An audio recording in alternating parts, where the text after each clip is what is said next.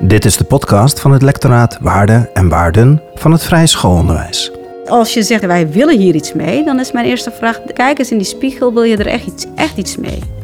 Wil je er echt iets mee? En als daar het antwoord nee voor is, onderzoek voor jezelf wat er voor jou, wat jij lastig vindt. Want het vraagstuk van inclusie en diversiteit is vooral gunnen, ruimte geven en willen geven en durven ook iets van jezelf een klein beetje in te leveren.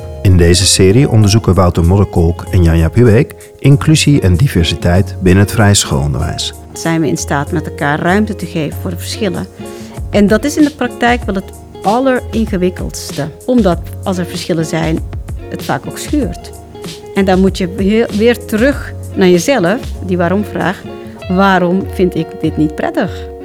Maar daar gaat het vaak in de praktijk mis. En, uh, en wat er dan vaak gebeurt is dat we, dat we toch weer zoeken naar mensen die op alle fronten op ons lijken. In deze aflevering bezoek ik Sanier Selik. Sanier is lector diversiteit aan de Hogeschool Leiden en promoveerde aan de Universiteit Leiden op de business case van diversiteit in publieke organisaties. Welkom in de podcast. Dankjewel. Kan jij jezelf even aan de luisteraar voorstellen? Wie ben jij en wat doe jij op de hogeschool? Of eigenlijk breder, want je werkt niet alleen op de hogeschool. Nou, ik ben Sadia Selik. Ik uh, werk uh, op de Hogeschool Leiden als alweer ruim 4,5 jaar als lector, lector diversiteit. Uh, en ik doe met een onderzoeksteam onderzoek naar inclusie, diversiteit in organisaties. Dus niet alleen in het hoger onderwijs, maar ook uh, bij de gemeente, bij de Rijksoverheid, bij de politie. Daarnaast ben ik ook verbonden aan de Universiteit Leiden. Daar ben ik uh, ooit gepromoveerd en daar blijven hangen. En daar doe ik vooral opleidingen voor um, professionals, publieke leiders, bestuurders. Rond leiderschap, inclusie, diversiteit. Hetzelfde vraagstuk, maar ook vanuit de universiteitsperspectief. Ja, met name voor hoe uh, breng je dit vraagstuk inhoudelijk ook bij de professionals. Uh, maar mensen die echt in de praktijk uh, met het vraagstuk te maken hebben, nou, die proberen we ook in de theorie en praktijk mee te nemen. Waarom doe je wat je doet? Eén, omdat ik het hartstikke leuk vind. Om laat bij het laatste beginnen. Ik kom zelf uit de praktijk. Ik uh, ben ooit met mijn 17 jaar naar de politie gegaan. Daar 17 jaar gewerkt. Dus de praktijk boeit mij enorm. En publieke organisaties boeien mij enorm. Dus als je vraagt waarom doe je wat je doet. En ik vind het uh, super gaaf ook aan professionals iets uh, mee te kunnen geven. En ik ben ook uh, in mijn jonge jaren geïnspireerd geraakt door dit vraagstuk. Ik ben begonnen in de sector veiligheid, politie. Uiteindelijk gepromoveerd in de bestuurskunde.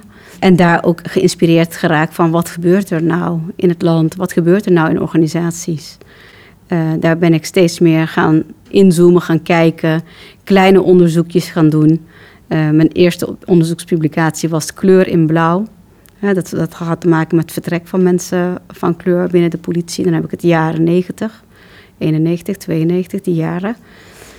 Nou, en dat daarna... was de situatie dat de mensen met kleur wel in het korps kwamen, maar redelijk snel vertrokken. Ja, even, niet alleen van kleur, maar ook vrouwen en uh, mensen met een andere seksuele geaardheid waren minder zichtbaar.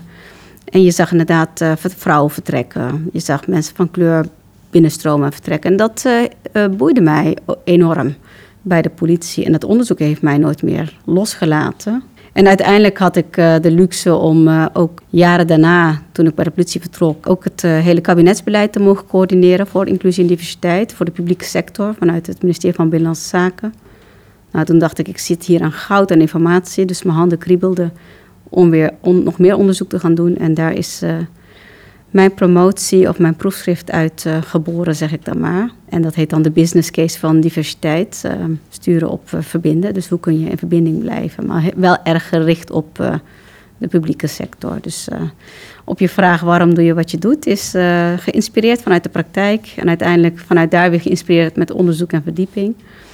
Nou, dat heeft mij gebracht bij de hogeschool, waarin ik echt in kan zoomen op vragen uit de praktijk. En hoe is het gesteld met de diversiteit in Nederland binnen de publieke sectoren? Ik, zie dat uh, als je kijkt naar de jaren 90 en nu is er natuurlijk in de samenleving veel veranderd. De arbeidsmarkt is veel veranderd, ook in de samenstelling demografisch.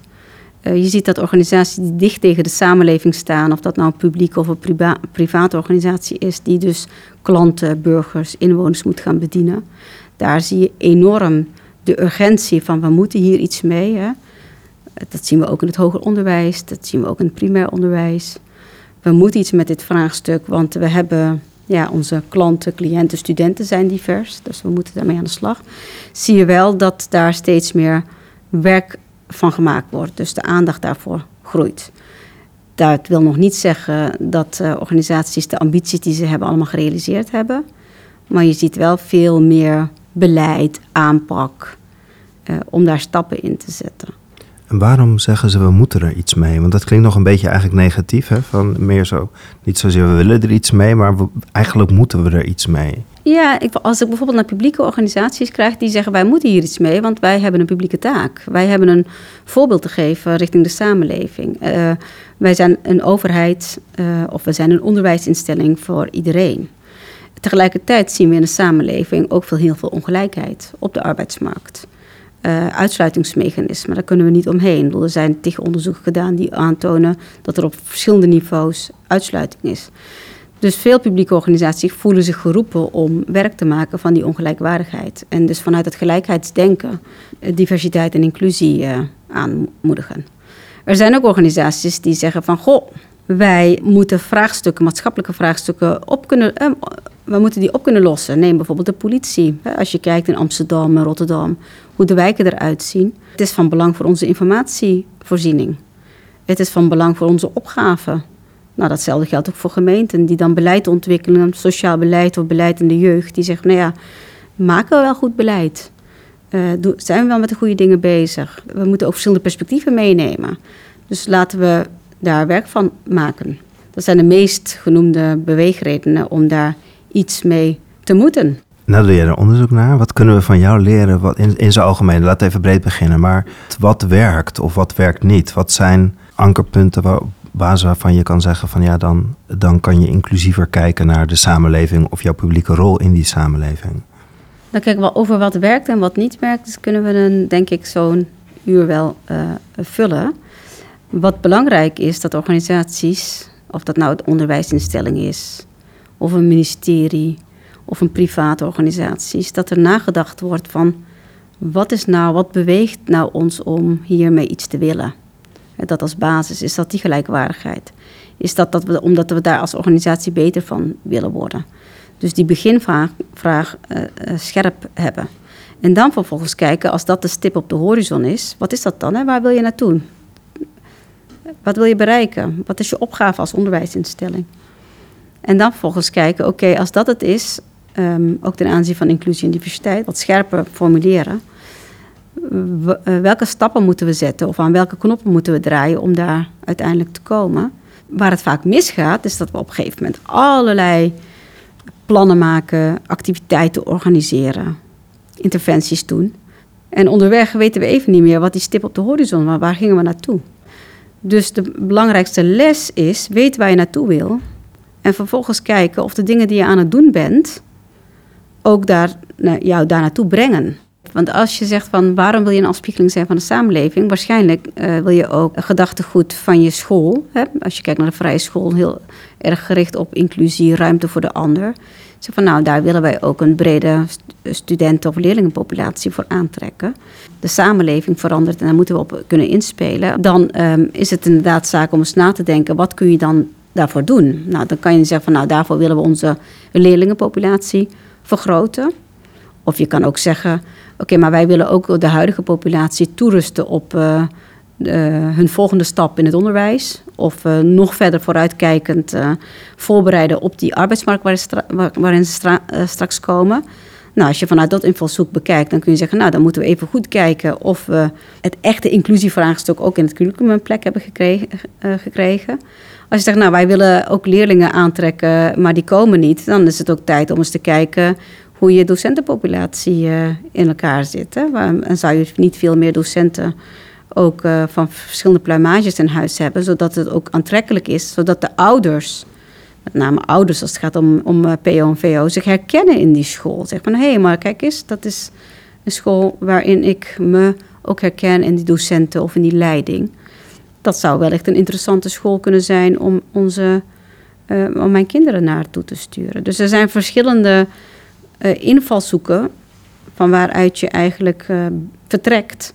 En dat wat ook bepaalt wat je eigenlijk zou kunnen doen. Je zegt net van die, die ouders herkennen die zich in een school of niet.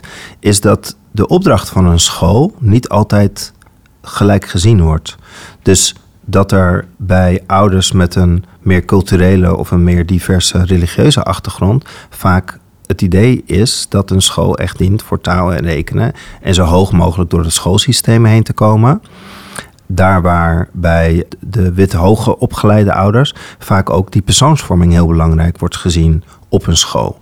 Waardoor je dan eigenlijk dus een, een tweedeling krijgt van ouders die dus zich wel of niet herkennen in zo'n school. Kijk, als je kijkt naar persoonsvorming, dan zou je eigenlijk ook kunnen zeggen, als dat de basis is en belangrijk is, want dan is het juist interessant om te kijken wat geef je de kinderen mee. Hè, want kinderen op die leeftijd en later leerlingen, wat neem je niet mee?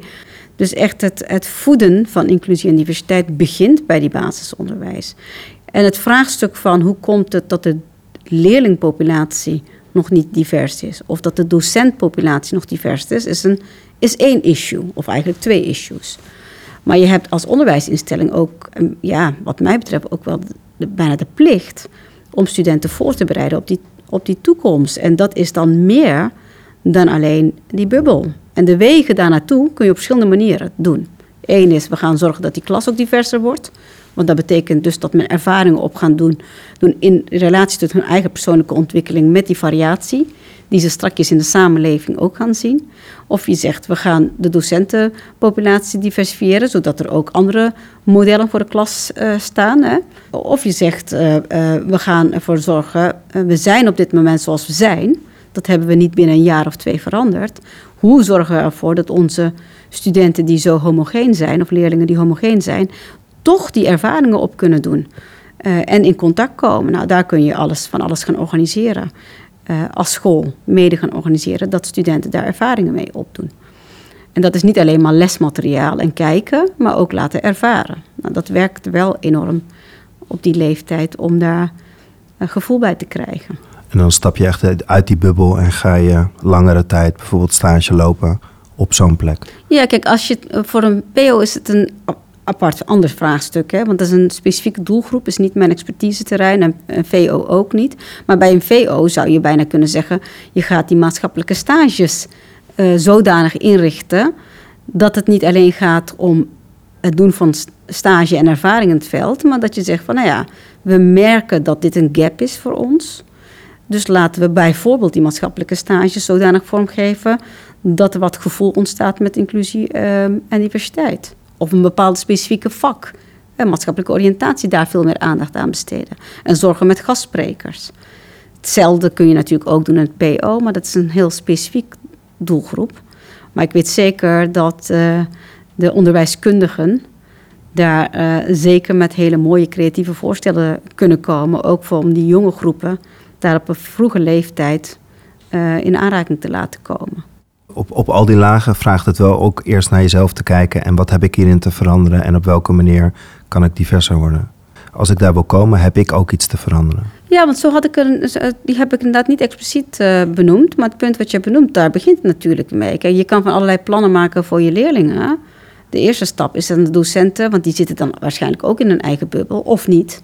Maar eerst even te kijken van, oké, maar wat heb ik nog te leren? Dus dat zou een eerste stap kunnen zijn voordat je met nieuwe met plannen komt voor uh, leerlingen van groep 1 tot en met uh, uh, groep 8. Dat je zegt van oké, laat ik eerst er zelfgevoel bij krijgen. En, en als ik er zelfgevoel bij krijg en wat heb ik nodig om mijn eigen perspectief te verbreden, dan kun je ook veel creatiever met voorstellen komen om dat perspectief van, van je leerlingen ook groter te maken. Dus ja, zeker begint het eerst bij, bij de docenten, bij de schoolleiding.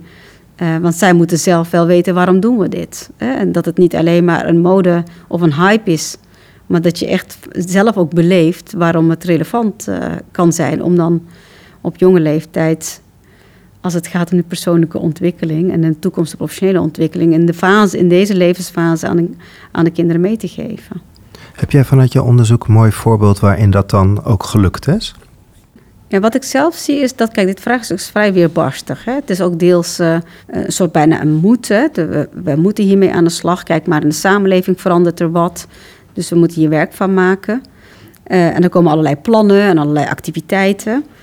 En wat je vaak ziet is dat, en dat vind ik een mooie beweging, dat uh, sommige leiders zeggen, maar hé, hey, maar ik vind dit best wel een lastig vraagstuk. Ik voel daar ook wat ongemak bij. En die dan bereid zijn om daarin te investeren, te leren, op zoek te gaan, voordat ze eigenlijk uh, hun eigen team zeg maar meenemen. En misschien is dat wel een heel mooi voorbeeld, waarin dus leidinggevend zegt van, nou ja, ik wil eerst zelf hier mezelf in ontwikkelen. En ik wil mijn, mijn team ook hierin meenemen want dit is van belang. Maar ik ben zelf ook zoekende. Nou, datzelfde kun je spiegelen aan het onderwijs, die ook eh, homogeen is, waarin de schoolleiding zegt of dat een bepaalde vereniging van scholen zegt van wij moeten hier werk van maken. Dan zou de eerste vraag moeten zijn, beste bestuur en vervolgens docenten.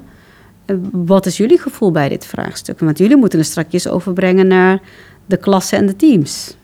En, en, en dat je eerst begint met professionalisering van bestuur en docenten, voordat je de stap maakt naar die leerlingen. Of en en in ieder geval. Het een kan niet zonder het ander. Mhm. Hoe, hoe, professionaliseer je in het vraagstuk? Nou, de, de belangrijkste is gewoon ervaren. Hè? Verschillen ervaren en kijken hoe je vooral zelf in elkaar zit. Hoe zit je als individu zelf in elkaar en wat drijft jou, wat zijn jouw waarden? En vervolgens uh, op zoek gaan naar die verschillen. Um, dat is de beste manier om te leren. En daarnaast zijn er natuurlijk allerlei trajecten, uh, onderwijs, opleidingen. Maar de beste manier is gewoon ervaring opdoen met verschillen. Zo'n mooi, zo mooi voorbeeld was laatst een school in Amsterdam Noord. En die hebben een, een nieuwe school daar neergezet. En die zijn helemaal vanuit diversiteit en inclusie uh, vertrokken. En die schoolleider die zei: Wat is het, allerbelangrijkste wat je doet? En die, zei: Bij alles wat je doet, elke keuze die je maakt, is de waarom-vraag stellen. Waarom willen we dit? dus als het gaat over uh, feesten die je viert. En dan, dan, dan zijn we misschien geneigd vanuit het verleden om altijd dezelfde feest te vieren. Maar daar dus echt bij de vraag stellen: waarom vieren we dit feest? En zitten er misschien niet binnen andere culturen een vergelijkbaar feest als het gaat over de bedoeling van zo'n feest? Lichtjesfeest of nu is het herfst en we gaan naar binnen. Zetten natuurlijk in heel veel culturen zijn er mooie verhalen. En waarom kiezen we vanuit de traditie altijd dezelfde verhalen? En toen vroeg ik, wat is het allermoeilijkst? Toen zei ze eigenlijk die waarom-vraag blijven stellen. Want je moet hem de hele tijd blijven stellen. Want in het onderwijs, we zijn druk, we hebben een lerarentekort. Er is heel veel reden om te doen wat we vroeger ook al deden. Omdat het al druk genoeg is. En dan is die waarom-vraag blijven stellen heel belangrijk. En heel moeilijk. Ja, kijk, die waarom-vraag, jij zegt waarom willen we? Eigenlijk gaat het om waarom wil ik? Waarom wil ik dit? Uh, of waarom wil ik het niet? Als je die twee vragen continu blijft stellen op individueel niveau, dan kom je uit, uit van waarom willen we dit of waarom willen we dit niet. En wat ik heel mooi vind in het voorbeeld wat jij nu noemt, is je zegt we gaan op zoek naar het gemeenschappelijke. Want eigenlijk zeg je in die viering zit iets gemeenschappelijk, iets, een basis in. Dus je gaat niet op zoek naar het verschil, jawel, je gaat wel op zoek naar een verschillend feest. En op een andere manier georganiseerd. Maar in de basis zit een overeenkomst overeenkomst. Dus eigenlijk uh, wat je heel mooi noemt, en dat is misschien ook een manier om dit vraagstuk aan te vliegen, dat je niet altijd op zoek naar, gaat naar verschillen in die feesten, maar dat je in de basis gaat van waarom, uh, wat beweegt om die feest te maken, wat is de drive. En dan zul je ontdekken dat de feest er anders uitziet, maar in de kern eigenlijk de bedoeling hetzelfde is. Hey, op plekken waar, waar een verandering is, wat levert dat op? Als een organisatie meer diverser wordt. Ja.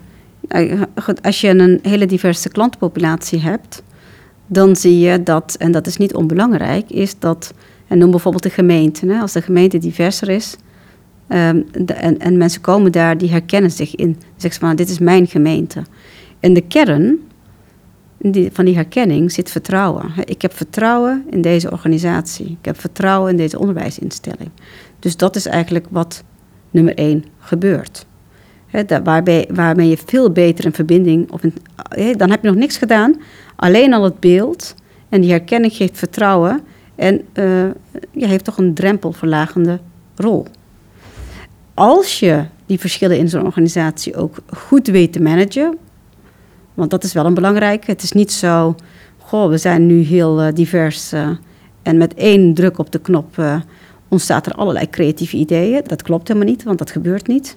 Sterker nog, als je dat proces van verschillen niet goed kunt managen, dan uh, ontstaan er gewoon conflicten. Maar als je het goed weet te managen, betekent dus ook dat je heel meer perspectieven meeneemt in de plannen die je maakt. in het beleid wat je maakt voor een bepaald groep, er ontstaat gewoon creatie hè, of innovatie.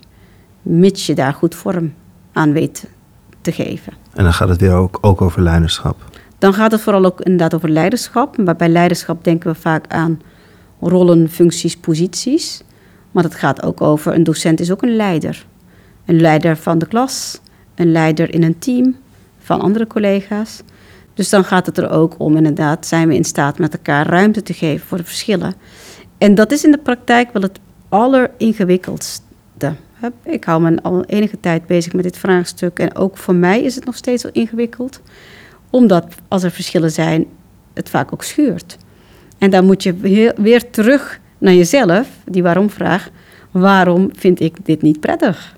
Vanuit daar gaan onderzoeken wat maakt eh, wat er bij jou schuurt. En dat doen we nog een beetje te weinig. Of het is uh, uh, niet leuk um, om dat van jezelf ook te weten dat je iets wel ruimte geeft en de ander niet. Maar daar gaat het vaak in de praktijk mis. En, en wat er dan vaak gebeurt is dat we toch weer homogeen, dat we toch weer zoeken naar mensen die in, op alle fronten op ons lijken. En dat op ons lijken is echt niet alleen, alleen qua uiterlijk, dezelfde humor, dezelfde communicatiestijl, hetzelfde gedrag, dezelfde, dezelfde houding. Dus dan gaan we toch veel meer zoeken op dat soort overeenkomsten. Je komt ongemakkelijkheden tegen. Kan je dat nog wat meer woorden geven? Wat, wat, wat zie je gebeuren of wat, wat hebben we dan met elkaar te doen als het ongemakkelijk wordt?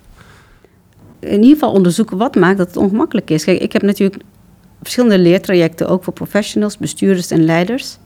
Nou, dan stel ik inderdaad, wat, wat is nou voor jou het taboe of het voor jou het ongemak? En dan komt best wel wat naar boven. Als je in een kamer, dus vier muren, is er een setting waarbij mensen zeggen van ja, ik vind het best wel lastig, want sommige waarden botsen met mijn eigen kernwaarden. Of nu moet ik uh, rekening houden met de norm van de ander.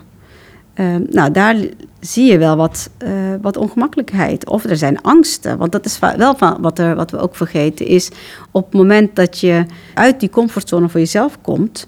ontstaat er ook een, toch een beetje een gevoel van onveiligheid. En die wordt vaak ook wel benoemd. En het kracht is om die bij jezelf te onderzoeken... waar het voor jou wringt. En, dat is, en het mooie daarvan is, dat is voor iedereen. Dat gaat boven gender dat gaat boven etniciteit, dat gaat boven alles wat we aan de buitenkant zien. Elk individu worstelt daarmee. Dus onderzoeken uh, wat bij jou schuurt, wat voor jou lastig maakt, in relatie uh, tot jouw context, in relatie tot je eigen persoon, dat onderzoeken, nou, dat hebben we nog wel met elkaar te doen. En, ja, en het mooie is dat ik steeds meer mensen zie die beweging maken uh, en echt beginnen bij hunzelf. Want het succes van dit vraagstuk, en dat betekent dus acceptatie van de verschillen, uh, kun je allerlei plannen maken, maar het begint toch met het individu die daar wel of geen ruimte voor geeft. Wel of geen uh, iemand of de ander iets gunt of niet gunt. Het begint echt bij, bij, bij de personen die het wel of niet willen dragen. Dus als je zegt, wij willen hier iets mee, dan is mijn eerste vraag, Kijk eens in die spiegel, wil je er echt iets, echt iets mee? Wil je er echt iets mee? En als daar het antwoord nee voor is, onderzoek voor jezelf wat er voor jou, wat jij lastig vindt. Want het vraagstuk van inclusie en diversiteit is vooral gunnen, ruimte geven en willen geven en durven ook iets van jezelf een, een klein beetje in te leveren. In die zin klinkt het echt als onderwijs. Hè? Je kan niet eh, bij een kind of bij een volwassene hoofd open doen en daar kennis in stoppen en dan denken dat hij het weet. Zo werkt het dus ook niet. Dus je kan eigenlijk alleen maar uitnodigen om die onderzoekende houding voor jezelf open te stellen. En eigenlijk al die personen, in dit geval het onderwijs, die hebben allemaal voor zichzelf eigenlijk dat vraagstuk te onderzoeken. Ja, en dan kun je op, een, op het basisonderwijs kun je op een speelse manier, nogmaals, eh, pedagogen, onderwijskundigen hebben daar meer verstand van kunnen daar ook manieren vinden om dat te onderzoeken bij uh, leerlingen uit te nodigen om dat te onderzoeken. En dan moeten er ook nog wel plannen gemaakt worden, hè? want het, het is niet alleen maar een, uh, een, een psychologisch proces. Hè? Je moet daar ook al plannen smeden. Maar die plannen die kunnen de motor voor die plannen. Hè? Want alleen maar, nou, we hebben het er gesprek over, we praten erover, daar kom je ook niet eeuwig verder mee. Dat is wel een basis. Maar zie dat maar als een belangrijke olie om dat proces te versnellen van de plannen. Ja, maar het moet echt intrinsiek gemotiveerd zijn, anders Ja. werkt het niet. Als je Nee. alleen een plannetje hebt, dan verandert het niet. In jouw eh lectorale reden, een poosje geleden, heb je ook een stukje gewijd aan de keerzijde van diversiteit. Wat, wat bedoel je daarmee met de keerzijde van diversiteit? Een keerzijde is wat ik ook een beetje net probeer te benoemen, is dat het ook ongemak met zich meebrengt en weerstand. En dat er ook conflicten ontstaan. Het is niet altijd eh, roze geur en maneschijn. Hè, zo staat het ook letterlijk in, in de reden dat het niet eh, altijd eh, eenvoudig en makkelijk is. Het moet altijd leuk zijn, maar eh, op het moment dat we uit onze comfortzone stappen, kan het leuk zijn, maar kan het ook spannend zijn. Dus de ke- keerzijde is dat het, dat het ook wat ongemak met zich meeneemt, dat er con- conflicten ontstaan. En, en de keerzijde is, is dat we al jaren met dit, bezig, met dit vraagstuk bezig zijn. En als je het niet op een juiste manier aanvliegt en ook gericht je ambities waarmaakt, dat ook mensen in je omgeving, in je onderwijsinstelling of je organisatie moe worden en zeggen van daar hebben we weer het, moeten we het weer daarover hebben. Dus er ontstaat ook wel een bepaalde vermoeidheid en een soort van ongeloofwaardigheid van, oh daar gaan we weer, het is een moedje geworden. Dus de keerzijde is vooral ook dat als je het proces niet goed vorm kan geven of kan managen, dat dat zeg maar ook conflicten met zich mee kan brengen. Het begint gewoon weer bij jezelf. Interessante constatering eh, eh, die je nu doet. Dan zou ik eigenlijk de uitdagende vraag willen stellen aan de scholen. Als je het afgelopen jaren hebt gewild, en of zegt dat je gewild hebt, en het is nog steeds niet gelukt, stel dan je, jezelf de vraag: hebben we het echt gewild? Want waar een wil is, is een weg. Dus als je wilt, kan je een beweging, kan je een beweging creëren, kan je iets heel groots maken. Of was die wil nog klein eh, en eh, hebben we er geen power in gezet? En hebben we de meerdere willen van individuen niet bij elkaar gebundeld en de kracht bijgezet? Want ik denk, dat zie ik ook in organisaties. Eh, organisaties willen diversiteit, in, vrouwen aan de top, meer kleur aan de top. Het lukt niet, we kunnen ze niet vinden. Het, het is lastig. Dan vraag ik wel, stel ik echt de vraag van... Goh, heb je het echt gewild? Of heb je allerlei blokkades gezien en heb je het erbij neergelegd? Dus dat is denk ik wel de essentiële vraag. En dan is het niet erg als je ambitie binnen twee, drie jaar niet lukt. Maar als je geen stap vooruit hebt kunnen zetten, moet je wel eerlijk, en eerlijk zijn in, in de beantwoording van deze vraag. Eh, ik ben wel benieuwd hoe jij daar naar kijkt. Hoe krijg je je, je populatie diverser op het moment dat je wel intrinsiek gemotiveerd bent, maar nou ja, van de buitenkant ziet het er nog wel redelijk eenzijdig uit, wat ook niet altijd uitnodigt. Mijn ervaring is ook dat diversiteit ook weer diversiteit aantrekt. Dus als het een beetje gaat mengen, dat het dan wat makkelijker is. Maar hoe kan je nou echt zo'n eerste stap in wisselingen van mensen maken? Je ziet nog wel eens quotum staan of zo. Hè? Dus vrouwen worden uitgenodigd of mensen met een, een- een culturele diversiteitsachtergrond worden uitgenodigd. Helpt dat nou om dat zo te doen? Of, of zijn er andere, ben je andere mooie voorbeelden tegengekomen? Nou, wat, wat zou helpen is dat je wel een bepaalde ambitie formuleert. Maar wat nog meer zou helpen is dat degene die, eh, eh, die aan die deur staan en het voor het zeggen hebben van wie komt er binnen en wie komt er niet binnen. Dat kunnen selecteurs zijn, dat kunnen leiders zijn. Die hun zelf de ambitie stellen van goh, ik ga de komende jaar daar echt werk van maken. Dus de volgende selectierondes ga ik daar extra op letten. En ik ga daar ook op individueel niveau niet op organisatieniveau, want dan zit je in een hele, hele instrumentele eh, beleidsproces. Maar dat je op individueel niveau zegt, als bestuurder, als leider, ik ga hier verantwoording op afleggen, wat ik wel of, wat, wat ik wel of niet gedaan heb. Dat kan werken. En dan, van de andere kant denk ik ook, eh, eh, hoe tevreden ben je als je, als je straks maar één eenling hebt in een homogeen team. Dat is ook wel spannend. Want dan moet die eenling, ehm, die wat verschillend is, wel goed eh, in de schoenen, stevig in de schoenen staan om eh, te kunnen blijven. Dus het is wel denk ik ook zaak om te kijken hoe je niet één, maar eigenlijk meerdere mensen tegelijk binnenhaalt, zodat je ook wat versterking onder de versterking hebt. En natuurlijk ook een aantal mensen de taak geeft om te bewaken dat dat goed loopt. Hè, die, die daar een soort mentoringrol in zouden kunnen, dat hoef je nog niet eens te formaliseren, zou kunnen vervullen. En dan met elkaar ook het ongemak niet uit de weg gaan, blijven gaan. Dat echt blijven aankijken met elkaar dan. Voor het onderwijs is het denk ik wel interessant om oog te hebben voor impliciete uitsluitingsmechanismen. Naar welke leerling of student eh, heb jij hoog zitten en welke heb je minder hoog zitten en hoe komt dat dan? Dus, want de wijze waarop je naar je leerlingen of je studenten kijkt, bepaalt natuurlijk ook hoe je ze eigenlijk een stapje verder brengt, hè, impliciet. Dus die impliciete uitsluitingsmechanisme is denk ik wel een interessante om daar scherp op te zijn. Want die bevorderen niet het gevoel van inclusie eh, bij, bij, bij de ander. Maar goed, ik weet niet of je daar iets aan Nou ja, nou ja, aan de andere kant staat hoge verwachtingen bij leerlingen neerleggen eh, resulteert in hogere uitkomsten. Dat, dat, dus andersom dus ook. Hoe kan je daar bewust van worden? Ik denk dat het belangrijk is dat kin- jo- jongeren, kinderen continu gemotiveerd worden. Ook al laten ze niet eh, eh, direct het gedrag of de resultaten zien eh, die je zou willen. Vooral voor het basisonderwijs. Hè. Niet in, iedereen is eh, inte- intellectueel goed in rekenen taal. Dus hoe stimu- stimuleer je en, in positieve zin dat leerlingen daar stappen in zetten? Vooral vertrouwen geven en blijven voeden. En natuurlijk, het, het, het gaat niet bij iedereen wellicht op hè, als je het hebt over gedragsproblemen. Maar goed, ik ben geen onderwijskundige, dus ik ga me daar ook niet in Nee, nee, maar we kunnen wel veel van jou leren wat je tegenkomt. Toch? Ja, ik denk dat die, eh, de motivatie, de hoe je kijkt, hè, want dat is ook dat is in de praktijk wat ik zie als ik kijk naar eh, andere organisaties, is wat heel erg bepalend is, is wat, wat voor oordeel we eigenlijk over iemand hebben. Eh, en die ook soms bij jezelf de discussie, vaak eigenlijk niet soms, maar vaak bij jezelf de discussie stellen. Want we zijn geneigd om te zeggen dat is een, een prater. Of die heeft altijd weer kritiek of altijd weer commentaar. Dus die ga ik niet vragen of die ga ik niet benaderen. Dus voor je het weet heb je je eigen lievelingetjes eh, om je heen. Nou, dat geldt volgens mij ook voor het onderwijs ook. En daar gedraag je je naar. En, en, eh, ja, en de ander die voelt gewoon dat jij je voorkeuren hebt. Dus die, dan komen we terug, helemaal weer terug naar af waar we mee begonnen. Is gewoon vaker in die spiegel kijken.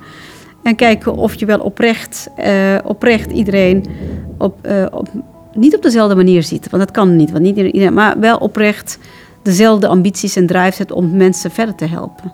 Dankjewel voor dit gesprek. Nou, jij bedankt voor de mooie vragen.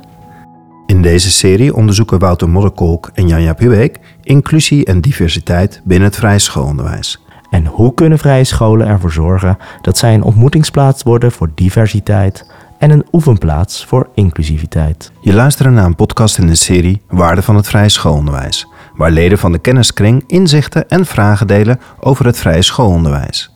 Daarnaast komen in deze serie mensen aan het woord die vanuit hun ervaring of expertise hun licht laten schijnen op het vrije schoolonderwijs. Like deze uitzending zodat meer mensen ons makkelijker kunnen vinden. Tot de volgende aflevering in deze serie.